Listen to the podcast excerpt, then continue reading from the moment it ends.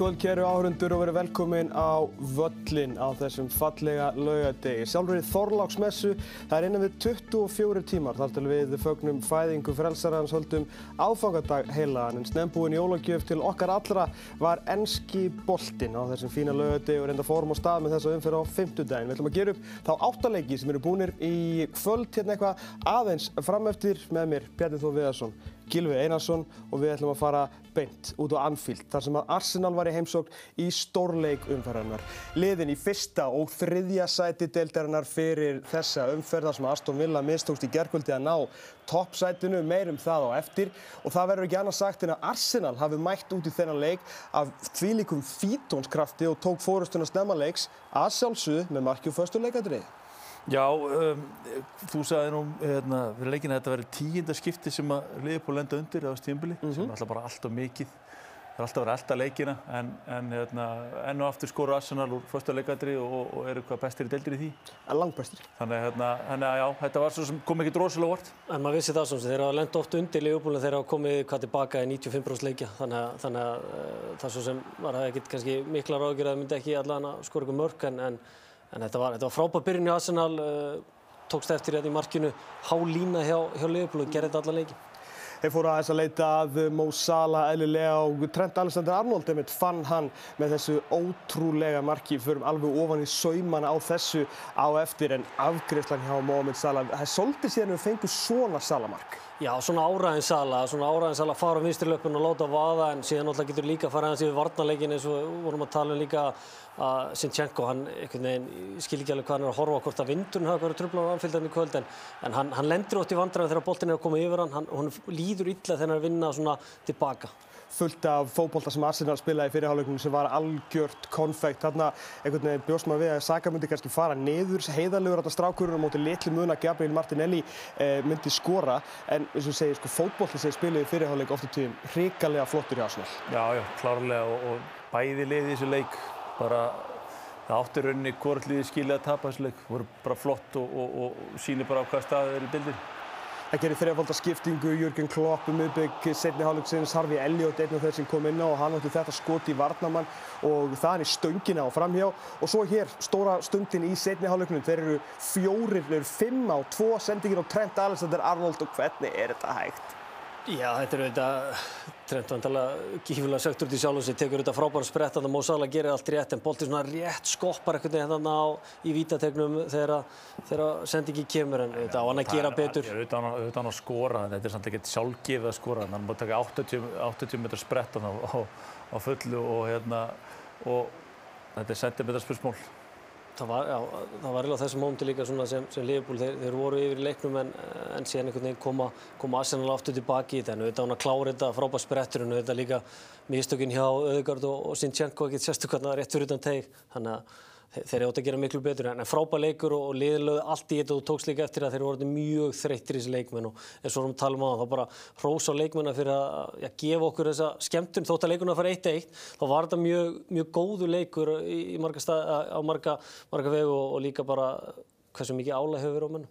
Sko, við lítum líka bara á tölfræðina úr þessu leik, hvað þetta eru jöfnlið sem vorum að reyna að fara yfir fyrir leikin. Sko, það er 51-49% með boltan, það eru 13 margtilinur gegn 13, það eru 3 gegn 2 á markið, sko, sendingarna 3-3-5 gegn 3-3-7, þú veist, þetta er bara nánast sömu tölurnar báðu megin, þetta eru þau lið sem að fengi fæst á sig, eh, skorað svona hvað mest bæði lið, ótrúlega jöfn, sáu það sér ekki bara, þú veist, svona svolítið kaplaskipt en við vorum að horfa á þessa hápunta þetta var svona tværa hálf mínúta, það er ekki mikið Það eru nei, kannski skilur á milli að þetta færi á trend, það er svona dauðafæri sem Já. skilur kannski á milli að hérna, að Leifbóli kannski aðeins ósáttur líka verandi á heimavalli að, að fá bara eitt stíð út úr þessu leik en En ég held að báði stjóra sig og þokkalega sáttir við þetta einhver síður.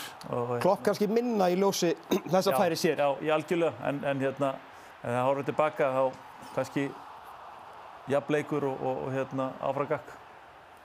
Já, þetta bara uh, eru vantilega báði þjálfarnir svektir að taka bara eitt stíg og sérstaklega kannski kloppa á heimaðelli og miða við þetta færi en hvernig leikurinn einhvern veginn, var, þetta var kaplaskiptu leikur eins og vorum að fara yfir á hann að byrja frábálega sem voru Liverpool yfir stærstan hluta setni hálfleik þá, þá held ég að, að þú getur samt verið svona nokkuð sáttur. eh, Sá líka bara eftir leikin Art, Art þetta fagnaði með sínum mönnum þegar það ekki unni á Anfield síðan 2012 held ég. og síðan var alltaf áberandi líka hversu öflug varnarleiku var, var hjá báðum liðum, uh, hjálpaverðnin uh, báðum megin og síðan Hafsendandir, Konate, Van Dijk, hinum megin, uh, Saliba og Gabriel, já, frábærir. Sko, Saliba og, og Gabriel, við veitum, þeir, þetta er bara besta hafsendapari í deildinni, að, þú veist, það er ekkert að ræða það neitt frekar, töl, all, öll tölfræði bakka það upp.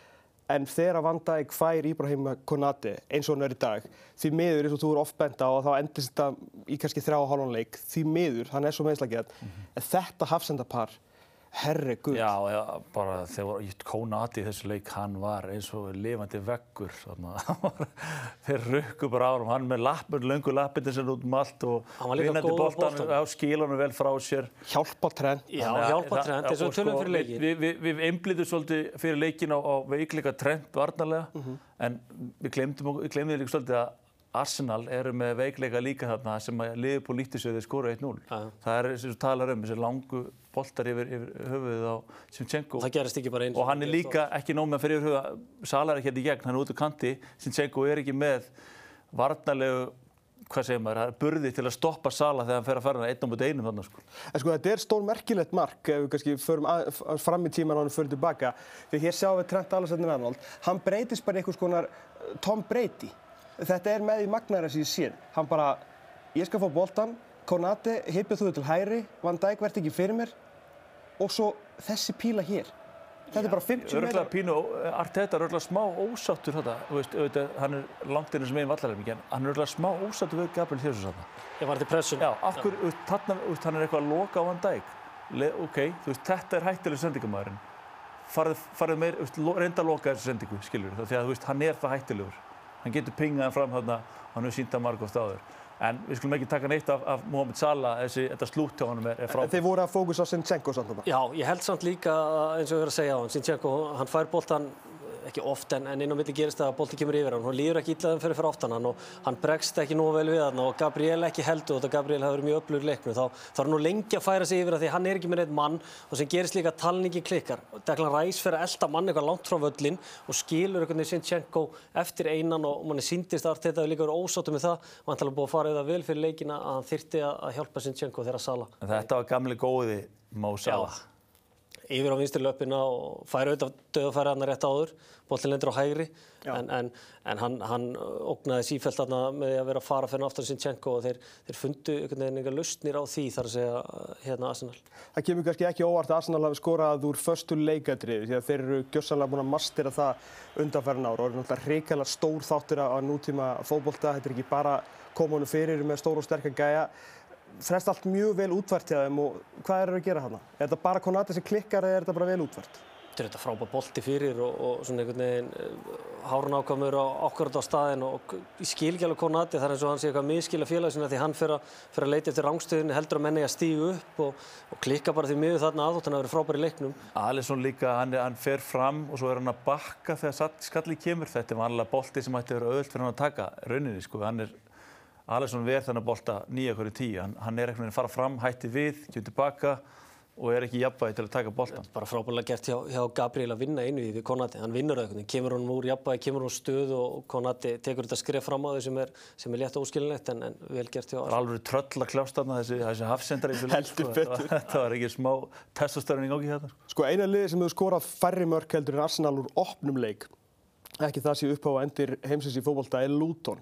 En við skoðum aðeins eitt skilti hérna um Arsenal-liðið. Að þá er að skora úr opnum leik 1,8 mörk per leik á síðasta tímbili endur með að skora 70 mörk úr opnum leik.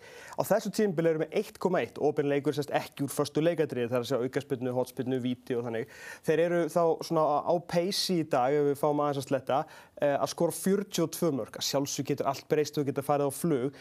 En sóknarleikurinn er klárlega aðeins styrðari svona í open play eins og betur fyrir eru svo geggjar í fyrstu leikadrum að þeir eru samt sem áður konum með 36 mörg sem er nú bara einu minni leifbúl. Já, þeir, við getum sagt að þeir eru ekki jafn svona skemmtilegir, það er ekki jafn mikið svona uh, mikið flæði sóknarlega í leikarsina þeir eru hins vegar og það sem vinnur titla er góðu varnarleikur þeir eru búin að bæta hann mjög mikið frá síðustu tímbili. Já, og, og það sem tapa, þeir töpuðu titlinum á, á varnarleiknum í fyrra eftir þennan leik á Anfield í, var ekki april, 9. april minni, minni mig, 22 jættefli, þá, þá fara þær á þetta nýju, fara þær í sér nýju leiki sem er bara nánast vinna ekki leik og og bara eru, eru dala varnarlega og það er aðlútið að Viljans að lípa fyrir, mittur í burtu en, en þeir eru, eru náttúrulega á öllum svona tölfræði þáttum fókbóltansi varnarlega sem, sem eru auðvitað frábært halda oftast hreinu uh, og, og svona fæst skota á sig. Já, já, Salíba Gabriel frábæri, Salíba er alltaf orðið bara algjör skrýmsli og svo er alltaf bara Dekla Ræs komin til, til, til að skrína fyrir fram að þá sem að loka rosalega miklu fyrir þá. Salíba enn og oft. Og góðum bolta líka. Gagbo í dag auðvitað sem er stór og stælu strákur. Alltaf tilbúin að fara í smá líkanlega tötts og, og svona veit nákvæmlega hvað hann er að gera. Klókur gerði ekki Hollanda á Emirates í, í oktober og það er erfitt að spila á mótunum. Hann er mjög klóku varnamæður eins og flesti sem voru svo sem að spila hann í kvöld. Sko. Herru, atvikinn í þessum leik. Eh, í fyrirhálegnum eh, Martin Öðugard eh, var aðeins að beita höndinni inn í Vítateg í stöðunni 1-0 fyrir Arsenal fyrir, fyrir boltinn af Gabriel Jesus og þarna svona verist hann hindra för boltans inn á teginn ekki vítaspilna, hvernig þú varst lýsa þessu? Já, þegar maður sér þetta oftur og oftur þá einhvern veginn svona Sala tekur tötsið og er að fara fram hjá hann og þá, þá virðist þetta verið eins og auðvitað sé svona einhvern veginn viljandi að láta hendin í boltan og, og þess vegna er svo smá óskilinlegt að Kának hafi ekki verið sendur í skjáin sjálfu til, til að skoða þetta en þeir hafa einhvern veginn metið þetta að þetta sé ekki, ekki hendi. Mér finnst það létt skrítið yfir að fá að segja þetta hann rennur hérna en þá kannski ekki alveg að vera á holm í haga hann skulle renna höndin hans er ekki í náttúrulega stöðu við erum alltaf að tala um náttúrulega stöðu mm. það er ekki náttúrulega staðu við erum með hendur hérna niðri og hann nánast, just hann tekur tvisum með höndunum sko. þannig, að, veist, þannig að þetta náttúrulega mínum huga er, er viti, klart viti En allt jafnast þetta út á endanum, sagði góðu maður einu sinni. Haldur Lagsnes, sagði ekki? Nei, þú veit að við hérna mikið hann þetta og reynda Gilvi Orra sem sagði þetta alltaf og segir þetta eflust enn. Uh, Kai Havertz leitaði eftir viti á 8001 sem hefði getið verið segumakt þegar Trent Alexander-Arnold svona, já, leggst á hann. Ég veit ekki alveg Thomas, þetta, þetta sé, já, ok, hann er að leitast eftir þessu. Ekki viti? Nei hann er auðvitað að leitast eftir þess að Trent auðvitað fer í hann og er klaufi finnst mér hann í varnælum það er engin hætt að Konati er að fylgja hann út þannig að þú veist já enn oftu þá kannski þeir ákvæða þetta svona nokkuð fljótt en, en það er erfitt þetta með að víti þannig að því líka þegar horfa á þetta hægt aftur eins og þeir horfa allt hægt núna þá er, er, og er erfitt þetta með að víti á þetta snertingi kannski alveg nógu mikil Bukayo Saka var á guðlu spjaldi frá 38. minútu og svo undir lokin hér á 88. minútu þá eh, já, kemur hann ansi sent inn og við erum nú búin að sjá svona þráttur að menn hafa verið sko að renna í þessum aðtökum, hafa menn verið að fá gul og jafnvel rauð en fínt að sleppu sem Jú, eða ekki bara fínt að, mér finnst þetta ekki vera þessi hann rennur hérna og Þetta, það hefur verið heldur grimt Já, það hefur verið mjög grimt að setja hann út en eins og segið Tómas, þá, þá hafa ákvarðanir hafa verið verið að taka ákvarðanir varandi Nú er bara að tala um línuna sko Já, einmitt, línan hefur samt verið að það hefur verið að gefa guldspjald á Já. þetta En, en fyrir þetta það, fyrir, fyrir, ok, þetta var ekki öðvöldur leikur að dæma mikið um, um guldspjöld en dómarinn dæmdi þennan leik frábælega Sá heldur svo floti. Já, hann bara hérna, lefði hérna, leiknum að flæða hrikalega vel og ég var mjög sáttu við dómarinn Hvað segir mér eftir þessar 90 mínútur? Bæli kom með, búið með átjón leiki, það er ein, ein stiks munur á þeim, það er eh, eins marks munur á þeim, 36-16 í markatölu, 37-16. Arsenal búin að vinna einu leik fleira. Hvort liði líst þér betur á þetta móment? Er þetta? Ég, ég, ég veit ekki. Mér finnst bæði þessi liði að hellinginni og sérstaklega liðbúl. Hérna, en, en ég hef nú alveg trú á sitt í takið sitt rönn og, og, og verði, hérna, verði þessi þrjúlið til loka sem verður að berjast um þetta. Ég held að það sé bara mjög mikilvægt fyrir, fyrir bæðislið Liverpool og Arsenal sérstaklega að halda mönnum heilum varnarlega. Ef þið gera það að varnarlegina svona eins og tala um Konati á hann, hann sé meðslega gert og annað, en á að halda honum heilum og Andy Robertson kemur tilbaka, kostar sem Íkas auðvitað mittur út af, virtist að vera svona nokkuð alvarlegt. Robertson er eitthvað ekki tilbaka fyrir lók februar, þannig að... Ég tala um janúar, já, janúar, februar, en, einmitt, en hann kemur inn í þetta, þannig að gegnum líka þetta leikjála sem er núna í jólinn þá, þá, þá lýst mér mjög, mjög vel á bæði lið og Arsenal átti frábæra spilkablin og milli duttu síðan niður en, en uh, þeir eru til alls líklega bæði þessi lið Joe Gómez frábæri dag. Já, ríkala góður vinstri bakverði En þú, hérna, talar um að þeir eiga eitthvað inni, þú vantalega kannski aðeins að horfa til frammeirina, meðal annars á svona, sko Sala náttúrulega skorar og skorar, þannig eins og hann er bara vanur. Núnis náttúrulega komið með eitthvað fjögur fyrir mörg, ef ekki meira, e, þráttur að hafa ekki skorað núna í 11.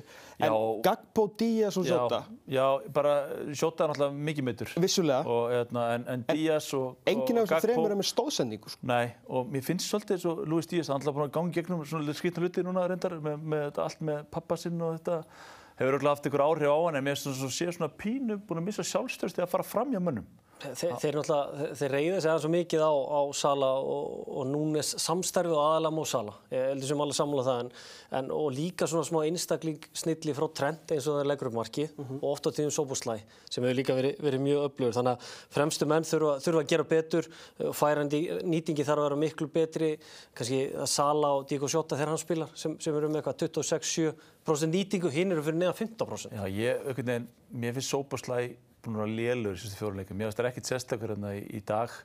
Já, ég, ég er ekki saman, mér finnst hann öflugur í dag, mér finnst hann- hann Hann vinnur mjög vel, sko, en, en á boltanum þá, þá vill maður fá meira frá hann. Sama, sama með Grafenberg. Menna, hann er bara að spila hvað? Ok, ég veit þetta er ungu strákur, hann er 21 ás og, og efnilegur. Hann er, hann er bara að spila 536 mínútur, 0 mörg, 0 stólendingar og ekki svona nálætti. Hann er ekki færi með neitt og er ekki að leggja upp. Ég, maður vill einhvern veginn fá aðeins meira frá, frá honum. Kannski rétt eh, eins og við þekkjum nú vel sjálfur að þá þegar menn, þeir eru að gera jafntefli þá er menn svona aðeins lengri og svona erfiðari til að koma í viðtöl en Jörgen Klopp er mættur. Well, Jurgen, to a, a neutral, that looked a brilliant, breathless game between two top sides. How did you see it? Yeah, with a massive shadow with Costas Tsimikas, obviously collarbone is definitely broke. Um, all the rest we have to see. Um, so out for a long time, which is a hard, hard to swallow for us with the Robo, Robo situation. Um, yeah, besides that, obviously Arsenal had a better start. So first and foremost, after all the things I said in the last week, I have to say thank you, Anfield. that was exceptional. Um, and they had a better start. They had started, I think, with a corner, if I'm right, then the free kick. Um, they do that really well, but we could have done slightly better. It was close, nearly, it was probably nearly offside and onside. That's fine. Scores that ball. Um, but after that, we, we found really a way into the game, and then we were there. And after after half time, we should have uh, we should have scored. If we would have won with that, I don't know, but we should have scored there because we had the moments. The high press was exceptional. We, they are really good. They're really confident. But in these, in that moment, in these 10, I don't know, 15, 20 minutes, we, we had them. We sh- we shattered them slightly, like in the system. but They felt the system a bit shaky, and that we should yeah, have used that. Then, and that's our quality Arsenal again. We lost a bit control because you, you open one space and they are ready to go. Um, and I respect that a lot. And yeah, in the end, it's 1 1. Um, it's quite more than before against a really strong side. Uh, good. I'm not sure if you can use the word reality check in a positive way. Like say, okay, yeah. If we were not 100% sure where we where we should be in this table, um, then now we know that's the area we belong to, and now we have to go from here. Uh, Jörgen Klopp, eini maður sem svarar eh, þremur spurningum með einu svari, einstakur. Það sjálfsög aðeins að reyna að friða þarna mannskapin, letu stuðnismenn aðeins heyra í vikunni og núna þakka hann fyrir. Sko. hann kann á fólkið sitt. Hann vissi alveg hvað hann var að gera, Já. hann að kveikja þessi í, í hérna... Og fékk svar. Hann fekk svar, ég meina. Já, þeir eru lætið fyrir leiki. Það var Rosalegt, sko. Alveg söngur og bara... Hann er alltaf orðin svolítið góðu vanur, þetta er alltaf meiri háaði þarna en á flestum öðrum stöðum. Ei, Vissulega, vissulega. Herru, höldum eh, áfram 1-1 í þessum frábæra fótbolltaleik. Förum á uh, London, völlin í London. Östurlundunum þarf á Manchester United í heimsók. Eh, Erik Ten Hag náði svona að, eh, já, smá fekk smá gálga frest eftir jafntefli gegn Liverpoolum síðustu helgi. Það gerða með fínum varnarleik, eh, að Liverpool áttu ykkur 34 skot á markinu á hann og að halda hreinu. En United svo sem bara fínt í þessum leik og er rúmlega það, voru bara ágæti sérstaklega á framöðu en já, það er bara þeir geta ekki skorað til að berga liður sinni. Það eru komin að rúma 6 klukkustundir. 6,5 klukkstund án marks hefur United. Ég get ekki sagt þér að verið frábæri þessu leik. Eða, Það sagði enginn. en já, það, það er einhvern veginn, það er ekkert sjálfstis í þessu liði. Það er, menn eru fljótir að brotna við mótlæti og, og hérna það áttu eitthvað smá rispur í, í, í, í hérna, leiknum aðaleg fyriráleik en, en en slækir svona Já, ófram. ég, ég held að sé erfitt eitthvað að fara að sitja hérna og byrja að tala um, tala um meðsli kannski eftir, eftir svona framistóð kannski sérstaklega. Þetta er mikið um meðsli það er margir frá en, en aðal vandamál er að eins og þeir eru að koma inn á eru þetta, uh, hvað er lítið flæði hjá þeim í, í sóknarnum. Það, það er bara ekki neitt. Og þeir lendi undir á 70 og annari mínútu. Stórkostleg sending frá Lucas Paqueta yfir vördina hjá Manchester United. Þar sem að stóð strákur sem að meirist að stuðnismenn United þurfti að googla fyrir leik, Willy Kambwala. Einmitt. Hann reyndir ekki nála þessu, bolti settur hann yfir Luke Shaw, Andri Onana ósamfærið í markinu og Bowen skorar enn eitt markið, búin að vera frábær á þessari leiktíð. Kobi Mainu sem er annars verið svona ljósi í myrkrinu hjá United, misti boltan eða undir sig hérna á miðunni á 70 og 8. minútu og Mohamed Kudus nýtti sér það og hann heldur áfram að raði mörkunum. Nýlíku leikmaður. Geggjaður leikmaður, leiklokið á 6 mínútum, það þarf ekki meira gegnum sig United lið í dag. Nei, þess að segja, þeir eru fljótur að brotna og, og, hérna, og þeim var refsað í dag af, af, af voru sprækir hérna fram á hjá, hjá Vestamann, eh, Pagutta og, og, og hérna Það sem að Kútos. líka kannski uh, tók við hrósunni held ég eftir leik var þetta það að kvilt menni það ekki miðri viku uh, gegn Liverpool í, í deildabökun. Hann, Nei, það er bara með hörkun. Nú, ok, já, þá allavega, ég held að hann hafi kvilt ykkur, en uh, hann einhvern veginn ge gerði þetta auðvitað mjög vel eins og þeir gera alltaf þeir sitja tilbaka og eru minna með boltan, en, en þetta er svo sem að vita mál þegar þú mætir hérna á, þennan völl að þú þarft einhvern veginn að vera með mikið hugmyndaflug í sóknarleiknum og það er bara alls ekki þannig hjá Manchester United akkurat núna, þeir bara, þeir eru ekki að ná að, að það er ekkert flæði eins og segðan og, og Rasmus Hólund náttúrulega fyrir út af, Rashford kemur inn á og það gerist ekki neitt. Nei, það skiptir einhver mál, bara, svo er þetta alltaf það sama því það er svo lítill, einhvern veginn, uh, lítill frambóð mönnum hann að fram á það. Þetta er, Garna, það er verið að reyna einhvern veginn að trekja Garnaccio í ganga því hann er alltaf svona, það er líf í honum, þú veist, það reynir að taka menna á. Hinum meginn Antoni sem er alltaf algjörlega brotinn, Hólund er að fara að takast að skora ekki fyrir Nei, áramót. þetta er að fara að leggast á sáluna hjá honum greið. Það, það er svona, maður sér alveg að hann er, hann er bara brotinn. Hann, er hann er ekki tilbúin í þetta hlutverk, hann, hann Rasmus Hólund. Hann er bara ekki klár í þetta. Og hérna, æ, ég veit ekki, þetta er, þetta er, þetta er náttúrulega skrítin staða og við erum, við erum svona að fara yfir þetta ansi oft. Jú, jú. Núna er, þetta er alltaf, við erum alltaf endurtökur, þetta er alltaf bara, þú veist, þeir eru, þeir eru bara að spila, eh, þeir ættur að vera neðar í töflunni, þeir eru markatalinn hefða með mínus 5 sko.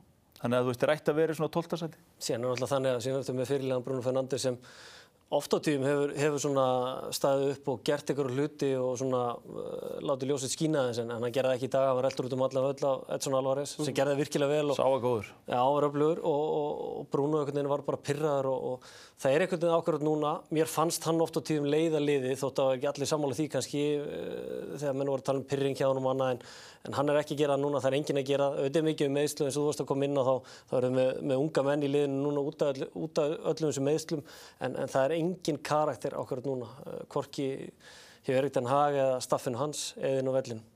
Nei, þeir voru hefnir hvað Liverpool voru, hefnir, þeir alltaf stóðu sér vel varnarlega á móti Liverpool, þeir gerðu það, þeir voru þéttir en að vissuleiti líka he- hefnir að Liverpool átti ekki betur í dag en þetta, en alltaf vissuleiti líka þegar þeir voru það góður varnarlega, en, en það er einhvern veginn ekkert í þessu lið, það er engin neist í þessu lið, það er engin, það er engin sem er góður að fara fram hjá mönnum einn á móti einum, ekki eins og Garnaccio, jú, af og til, en eins og bara Antoni, þetta er bara, uh, veist, þetta er orðið vandrarlega að horfa á þetta, sko, þannig að hann fer ekki fram hjá neinum. Nei og það er heldur ekkert skrítið, þeir eru ekki búin að skora núna mörg hvað í fjóruleikjum röð. Eh, Skora mark þar segja. Mhm.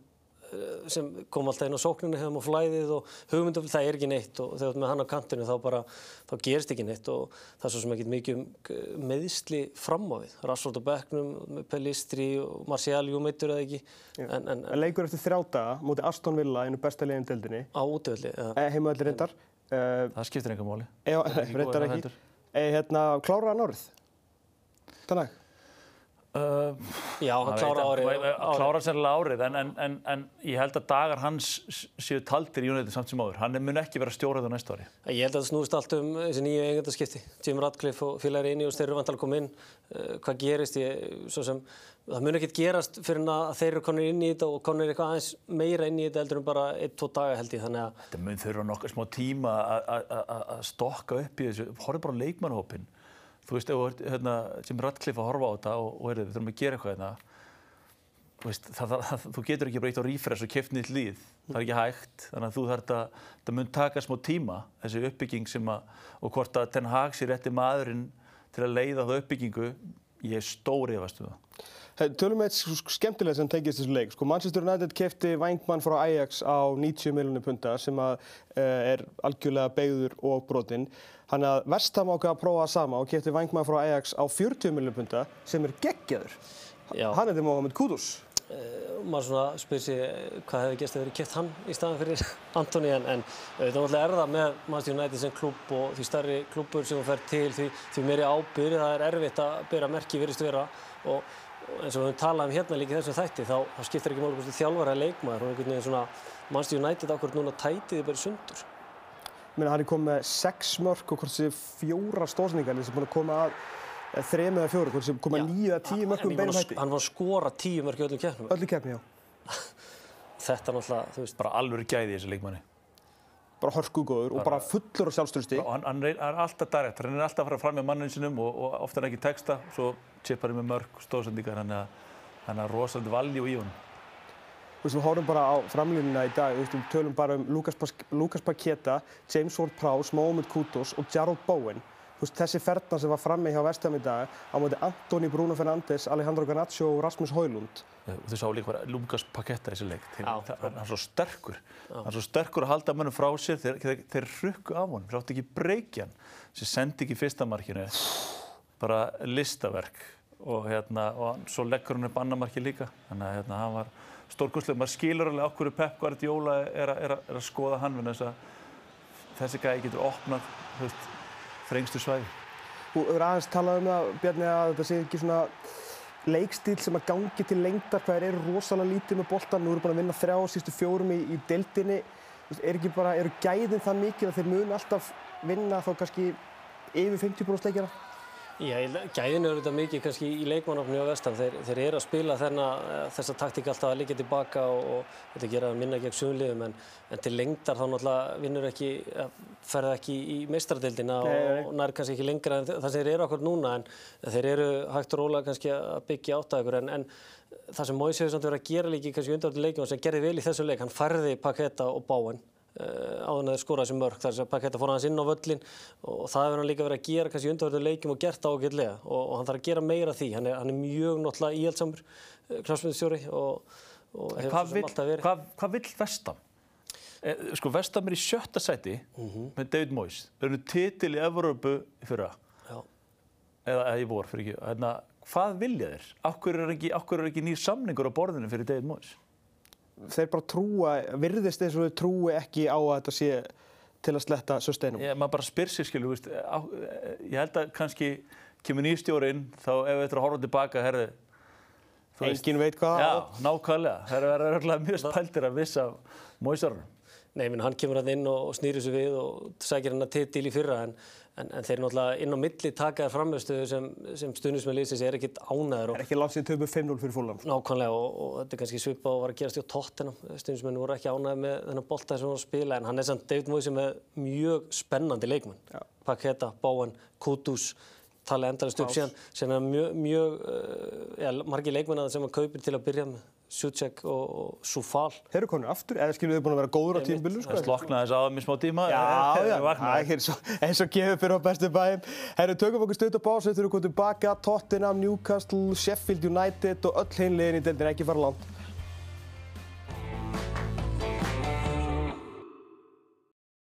Þessari, þessu Þorláksmessu kvöldi uh, Bjarni Þór Veðarsson er hérna að býða eftir afsökunarbeini þar sem hann sagði rétt á hann að Vestamæði kvilt í vikunni. Uh, það sló okkar saman á mér og ég sagði nei, en það er vist rétt hjá honum. Og þessi afsökunarbeini hefur hér fært til bókar og þetta er í fyrsta og eina skipti sem ég beði afsökunar í beinni. Það er bara þegar það eru komað jól. Þú ert meiri maður. Takk fyrir það, Gilvin. Takk kjærlega. Máðu þú halda áhrum með þáttum? Nú getur halda á. Líðið betur? Mun. Ja, gott að heyra, gott að heyra. Allt fyrir því betur, menn förum á Tottenham Hotspur höllin þar sem að Tottenham tók á móti Everton. Þetta er rétt við betur að rétt skal vera rétt og sjálfsögur kvildu ykkur á 5-6 byrjulegsmennin unnur samt sem áður Manchester United. Herru, þetta var eitt frábær leikur. Tvö uh, skemmtileg lið, maður segir bara skemmtileg um Everton í dag. Þeir vinna og vinna, þeir er kannski öðruvísi en þetta var bara kvistbang búm fram og tilbaka, skemmtilegu leikur. Já, og bara strax í byrjun leiks þá það DCL eins og kallar hann á, Dominic Calvert-Lewin hann að dauða færi en frábár varnarleikur og Romero en síðan gefst auðvitað þetta. frábæðilega gert og góð sók bara í heildina hjá Tottenham. Sendingin hérna á Brennan Johnson, stórfur minn sem leggur hann inn á uh, Rich Allison. Hann er mættur til leiks 1-0 og þetta bara eftir uh, nýju mínútna leik. Þeir heldur áfram og þarna þetta var þinn maður, Mikael Engo. Já, frábæðilega gert hjá hann. Hann reynda varðist ekkit frábæðilega í, í markinu, fyrsta markinu. Vissulega ekki. Hann er upp, búinn að vera mjög öflugur og frábæð kross þarna og aftur Dominic Calvert-Lewin svona í, í, í mjög góðu færi en næri einhvern veginn ekki að, hefur ekki alveg eins og við rættum kannski, það, það vantar eitthvað aðeins upp á hjá hann. Spurning hvort það sé er- eitthvað hrættu við að slíta eitthvað eða, eða tókna. Þetta var svona halvu skrefi svona frá að vera hann sjálfur. Á 18. minútu komst Tottenham í 2-0, Kulusevski á Brennan Johnson fast skot sem að Jordan Pickford varði beint út í tegin og þar beigð Son og kláraði. Já, já. Þetta er náttúrulega ótrúlega bara eins og varnarvinnan á línunni, Brandtveit, hann einhvern veginn stendur, hann færi sér ekki til hægri. En ótrúlega hlutur gerist á 24. mínútu þegar það var gerð skipting og þið sá þessa sendingu þarna. Hún kom frá Portugala sem heitir André Gómez, munið eftir honum.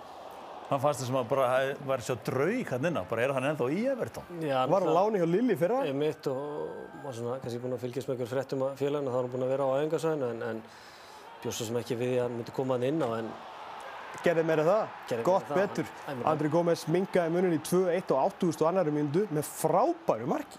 gerir þetta frábælega. Hann var nýbúinn þarna að vinna boltan þegar þetta enda aukarspilna á hann og Calvert Lúin skoraði en það er dæmt af og hann var bara frábær eftir að hann kom inn á og, stjórnaði bara spilinu og engin pressa og Sjöttu mínútu upp á tíma. Við bara, við skildum ekki hvernig þetta var ekki mark fyrst. nei, þetta Bjarni heldur ennþá þessi mark. Já, ég veit það.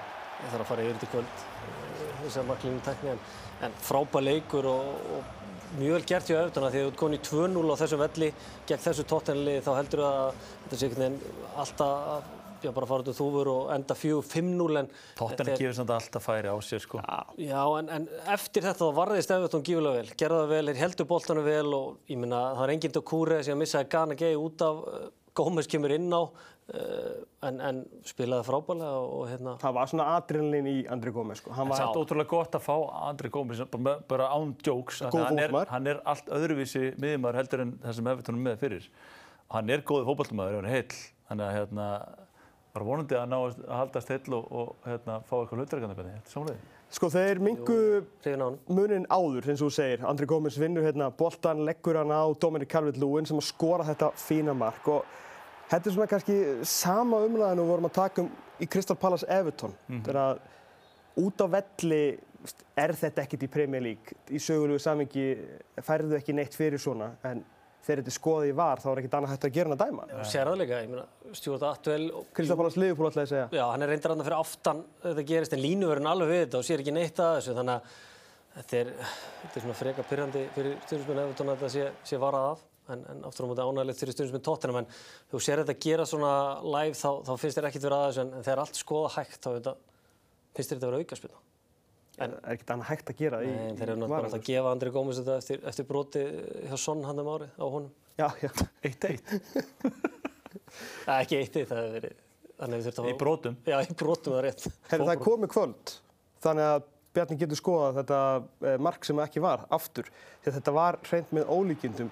Þegar við vorum að horfa á þetta eh, einum innstjórn fyrir dag að hann hlæri rétt staður, þá bara skildum við ekki hvað það hefði gerst. Þá kom í ljós að þetta fóru slána og síðan í húli Elmo Vicario í markinu hjá Tottenham. Þetta er bara, þetta hefði verið flautu í Er öfnumark. þetta bara frábær mark, Vesla? Já, Það er það í rauninni. þetta er raun og veru, sko. Hérna kemur þetta nefnilega. Þetta er besta sjónaröndið. Sláin, þetta er bara sláin inn, geðveikt slútt hjá Danjuma. Hann verið þetta. Já. Hann kannski er ekkert alveg meðvitaður um að vera í þetta. Þetta er, Hæ? þetta er svekkjandi með því. Já, það hefur verið þægilegt að taka eitt Ég hef reyndar engar áhyggjur af Everton í þessari deild. Nei. Þeir eru ald- aldrei að fara að lenda í einhverju fallparti. Vel gert og gaman að sjá Danjuma koma inn og spila vel. Hann, auðvitað er hann kannski ekki eins og við rætt Sjón Dæs leikmaður en hann máli nota hann meira. Hann getur alveg gert svona hluti og, og en þess að ég, ég litlar áhugjur af þeim. Þeir munu, munu sækja stig og bara eru, eru góða tengingar hjá, hjá liðinu og, og, en, en frábært fyrir tóttanum með þetta vinnaðan leik með að svona hvernig þetta þróaðist. Mm -hmm. Ef þetta náttúrulega fleiri skot og, og voru bara Hvernig kemur. James Madison tilbaka? Á nýjóri, er sagt. Þeir voru náttúrulega án Bissúma í dag. Ég, ég horfði svona aðeins á þetta fyrir leik fyrir Evertón, það er smá sjens.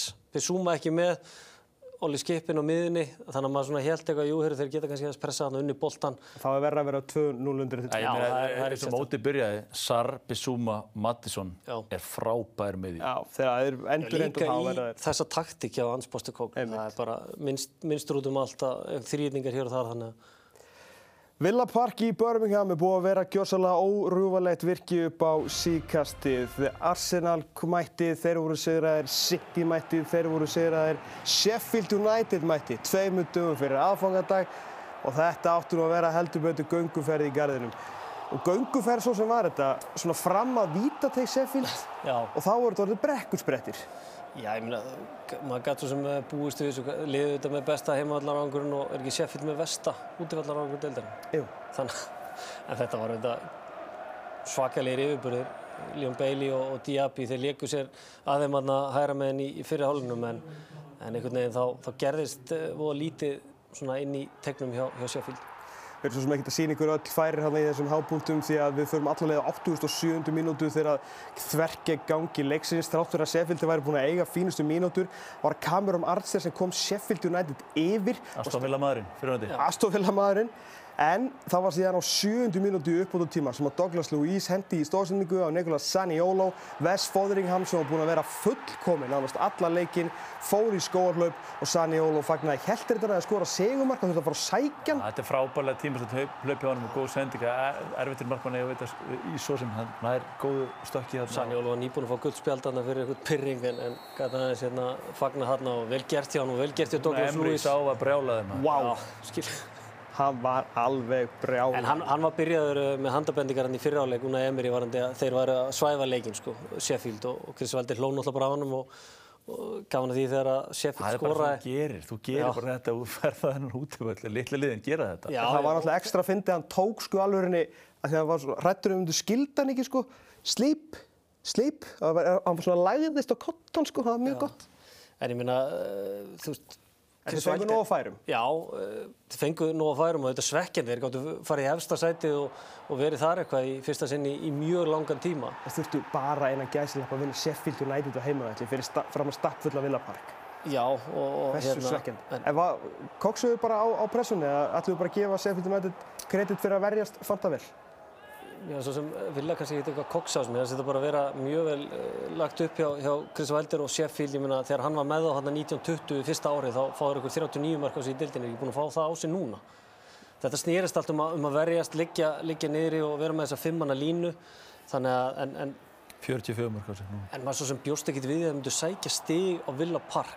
Áherslu Sheffield United hljóta að vera að sækja stig gegn liðunum í kringu sig og held ég þrýra næstu sex eru, eru þeirra tóli gegn Luton, eitt gegn Krista Palas þannig að þar hljóta er alltaf að sækja stig en, en bara frábælega vel gert hjá maður að fara þarna og, og sækja þetta stig. Þegar, þegar skoruðu marki þá var Krista Valdi Pollur og Oliver á bekknum bara að fá sér lúkasitt. Já, og reyndar að vona að það væri eitthvað annað. Hérna, markið sem það dæmt aðeim, það var vel gert eh, svona hvernig hann kláraði þetta, hann Leon Bailey. Enn og aftur var hann að sjálfsögða að skora sjá það mest fóðuríkam, var strax svona svolítið svektur, var lengi á fætur.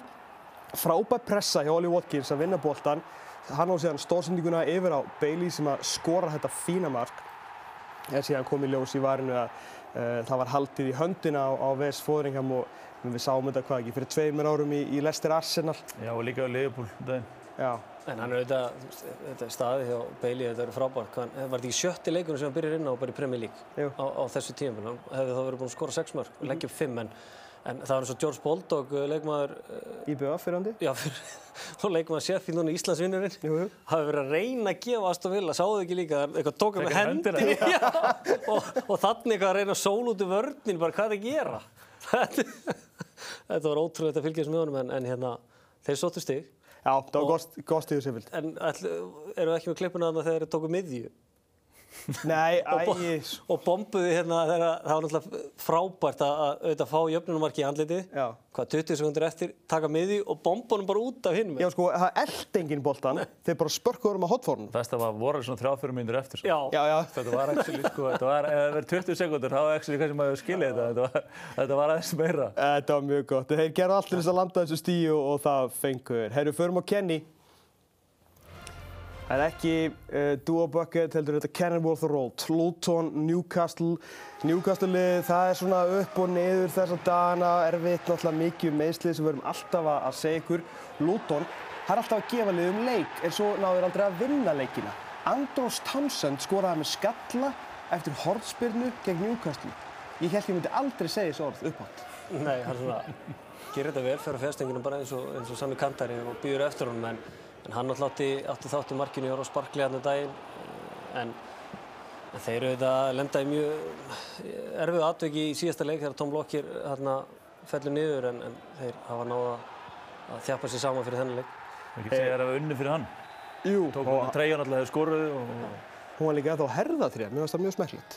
Það er flott séðan. Sko. Ekki verið svona krumpaða treyð. Við skoruðu þetta marka Alexander Isaks og dæmt af vegna rángstöðu. Newcastle tölvert svona, já, meira með boltan í þessu leik og já, betri aðlinn ef þannig með orðið komast. En Luton var samt eins og vorum að sína ykkur hérna með pressuna á móti City um daginn að þeir eru orðinni bara ógnar sterkir á heimavelli og þeir eru bara Þeir bara, þeir bara pressa og þeir bara láta það hafa fyrir hlutunum. Já, loksins uppskýra sigur. Þeir búið að missa leikina niður á móti stóru liðunum, spila vel en fá ekkert út úr þeim. Já. Þannig að núna allavega uppskáraður þrjú stík. Newcastle í Brasi, þeir eru bara söpum málum Manchester United þannig að þetta er svona, auðvitað þessi meðsli líka verið hjá, hjá þeim og annað og þeir hafa ekki alveg náða að höndla kannski þetta mikla leikjálag, hópurinn hjá þeim en, en þeir eiga að vera með fleiri stík og þeir eiga að fara þarna og sækja þrjú stík. Það er að þjætta staðins hópurinn hérna. Hann er að gera það. Lúton nefnilega er ekki alveg að sko... Meina, þetta er ekkert, ekkert ógerlegt, við sjáum að Nottingham Forest er að, að dragast nýri í dag núna. Já, ég minna, síðan ertu með Everton og, og Pallas, Krista Pallas líka, vantilega að dragast í þetta. Ég meina, Luton er, tveimur stegum og þeir eru að leikta góða, sko. Þannig að það er aldrei, aldrei að vita hvað gerist það. Sérstaklega ef þú ert að trekja heimavöldin í gang. Það er svona þeirra líflína. Já, að gera þetta, gera þetta virkilega vel. Herru, förum í restina morgunum eh, frá, þessari, frá þessari helgi. Nottingham Forest eh, tók á móti Bormóð. Þetta varð einn æðislegu fótbolltaleikur. Kannski ekkit allir sem hafði til að búist við því, en þeir byðu líka svolítið með það. Það var endar eitt atvökk bara í fyrirhaldögnum. Það var raut spjald á Willy Bowley sem var nú svolítið umdelt. Það var nú nokkur í sparspeggingar um uh, gerðvalla veröld algjörlega brjálaður til dómara fyrir að gefa hann gullt því að vildu menna að það hefði farið í boltan og ekkert meina að fórum fyrir boltan Þetta er algjörð þvæla. Er það ekki? Algjörð þvæla. Hann, þeir... hann vinnur boltan, hann er ekki sem er boltan löppin hátt uppi. En þeir voru einum færri sem sé frá 20. og 3. mínútu en komist yfir manni færri á 47. þegar Rhythm is a Dancer, Anthony Alanga skoraði og þetta var fyrsta markið af 5 í setni hálfleiknum. Þegar svo held þetta áfram, Dominic Solanke jafnaði metin á 51. Hann kom Bormóð yfir á 58. Chris Wood jafnaði á 74. og Dominic Solanke fullkomnaði þrennuna í uppbóta tíma og treyði Bormóð enn eitt sigurinn sem þýðir strafgóminnir að Bormóð er núna búið að vinna 5 eh, af síðustu 6 leikjum og 6 af síðustu 8. Talandum svo langi, ég sá að breska pressa var að gefa 10 í einhvern fyrir samstæðinu þessu leik. Það er svolítið. Ég skýri skoði. Já, hann er bara magnaði fyrir Bormóð á, á þessu tíumbili og líka bara magnaði að sjá þessa breyting á Bormóð frá, frá byrjun tíumbils fyrstu tvo mánuðin á kannski síðustu eina og halva mánuðin. Hvernig eru er búin að þjappa sér saman, hvernig þeir pressa og hvernig þeir vinna sér lið og sendur með þennan mann frammi. Þá, þá, þá lítur bara mjög vel út hjá, hjá Iri Jóla. Þeir eru 11. sæti með 22 stygg, bara til að gefa eitthvað dæmi, þá eru 6 stygum fyrir aftan Manchester United. Uh, er Dominic Solanke í janúar target geðveikt sigumark líka. Þetta er svipaða skallin síðan við fáum síðan að sjá eftir. Hann er allavega sjóðandi heiti núna og ég veit, maður hefur svona heyrt að sé klúpar eins og Arsenal og, og, og, og fleiri sem er, sem, er, sem er að skoða hann. United, mögulega. Englendingur, Þekkjan, er að toppa núna. Já, en ég meina, já. Nuno mættur auðvitað. Minnast á það. Hann tapaði svona fyrsta leik en Bormóð miklu meira með boltan og líklega. Það er svona óspennandi ráðning, ég þarf bara að segja. Að reyka Cooperinn og, og fá inn Nuno Santo. Já, farendastjórið sem spila með fimmannavörð, þannig að Nei, ég, Nuno Santo auðvitað kannski ger ekki frábær hlutum í tóttir, hann var öflugur með vúlstil í byrjum, en, en ég er svo sem alveg sammálaður þar. Annar lið sem er búið að gera kannski svolítið óvænt fina hluti á þessari leiktíð er Fulham og þarna sáum við fremsta í flokki hana Rebecca Walls. Braut blað í sögu ennska knastbundu þegar hún var fyrsta konan til að dæma leik í ennsku úrvalstildinu og gera það mæta vel í dag.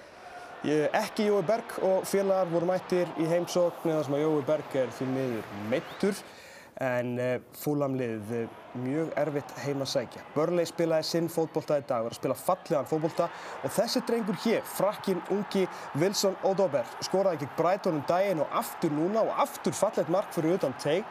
Uh, skemmst úr því að segja að Burnley ekki bara vann á útivelli, heldur spilaði vel, helt.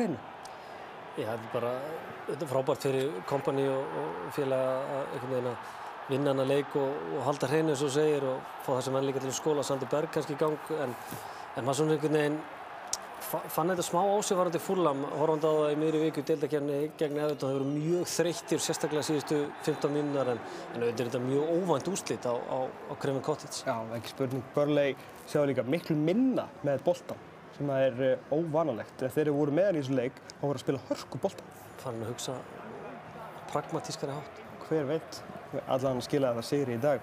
Frábæðilega gert hjá Burnley, fögnum öllum stígum sem að Íslandingarliði Burnley fær. Heilega stríðið um þjóðveg A1, eða hvað sem þetta heitir, hérna, uh, sögum við sjó. M23. M23. Er það ekki, Gilvi? Já, þú bjóst þarna, ég... Hérna, þetta er eitt merkast í rígurinn, alveg alla leiði frá árinu 1977. Uh, Crystal Palace uh, Brighton Þetta var, uh, þessi leikur eins og svo margir áður var egg Brighton það var samt sem áður Crystal Palace að komast yfir Jordan Ayew á uppbúin tíma fyrir hálfleiks. Já, eftir, eftir þetta, þessi mistök hjá Verbruggen hvað er hann búinn að, ég held að hann er búinn að skipta um markmann 11 sinum á tíumbilinu til Serbi. Og þetta heldur betur virka líka. og þetta er held ég, held að það er sjötta, sjöundu mistöki sem ég ger að fá þessi jöfnum. Þetta var alltaf skallum. Já, þetta var Rosalegt En, en það er vesen á, á Brighton. Þeir eru bara búin að vinna 2013 leikjum í, í Premier League og einhvern veginn svona, það er ekki haldið hreinu í 22 leiki rauð. Já, það er ekki með, held að.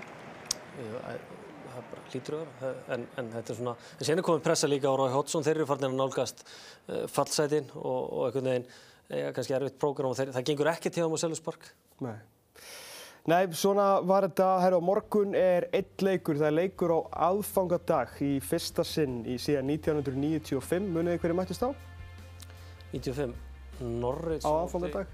Norrið sem átti Spurs. Nei, Kilvi, Ekki hugmynd. Manchester United og Leeds Já, og Leeds vann 3-1. alveg leikur. Herru, þetta var umferðin, sjáum hérna á morgun síðan aðfangadag klukkan 1, Úlfarni gegn Chelsea, stittir byðina fram að uh, aðfangadegi, uh, sjáum síðan stöðuna í deildinni. Á toppnum um jólinn, annað árið í röð, er Arsenal. Dögðu ekki fyrra, sjáum hvað verður í mæi á þessu ári. Liverpool 39, Villa 39, Tottenham 36. City til hamingju eru heimsmeistarar félagsliða í fótbolta unnu Fluminense í gær í áhugaverðum fótboltaleik þegar ég leikti góða. Vestham, Newcastle og Manchester United eru þar fyrir neðan og Brighton og Chelsea fylla út efra skiltið. Á botninum sjáum við eins og Gilvi var að koma inn á að fara að þjættar. Sheffield United nýju stig en Luton er næst tveimur stigum frá örugu sæti. Forrest með nýjan stjóra fyrir að færast nær þessu. Já, Sheffield og Luton er nú tvo leikjaldi á næstunni þannig að uh, sérst, er að fara að spila mútið hverju öru tvísældi. Já. Þannig að þetta, getur verið mjög þétt. Næsta umferð, við fyrir strax að það er tvær umferðir í viðbót ára en við skiljum við okkur í fyrir byggarinn. Það er umferð í miðri viku. Það eru nokkur leikir á þriðudaginn. Manchester United á Aston Villa á annan í jólum. Svo ætlum við þrjá leiki fyrir ykkur 27. desember þar sem að ber hæst viðregni Everton og Manchester City og Arsenal Vestham síðan á fymtudaginn. Og svo höldum við reyndar áfram um helgina þegar það eru leikir 30., 31., 1. og annan og svo fáum við eins viks pásu, eins vikna pásu og ætlum að gefa þá byggarnum hann að sviðsljósið í eina viku eða svo. Það held ég, þá held ég að við förum bara að kalla þetta gott aðfangadagur eftir bara nokkra klukkutíma, hvað er þetta með matinu? Endur, Fyrir lengu? alltaf endur. Alltaf endur? Þú? Ég er í mati þannig að hann er með eitthvað, eitthvað geggjað. Já? Þú veist ekki hvað? Kalkúnaskip eða eitthvað. Hann er, þetta er veitingamæður, hann er algjör kongur. Já, ok, þú er ekki mikla rákir að þessu? Nei, nei, nei. Ok, það var fylltur hryggur hjá mér en fyrst enginn spurði. Herðu, ég er hérna þakku kærlega fyrir að vera með ykkur í kvöld, Gilvi, Bjarni, Geggjað. Uh, gleðileg jól, kæru áhörundur, njótiði bara jólana með ykkar nánustu, eigða gott, við sjáum síðan aftur hér um, næstu helgi en heyrustu þetta í vikunni þegar við verðum hérna fullt að leikjum. Það eru 20 leikir eftir ennþá þessi jólun, þetta er bara rétt að byrja en aftur gleðileg jól og njótið jólana.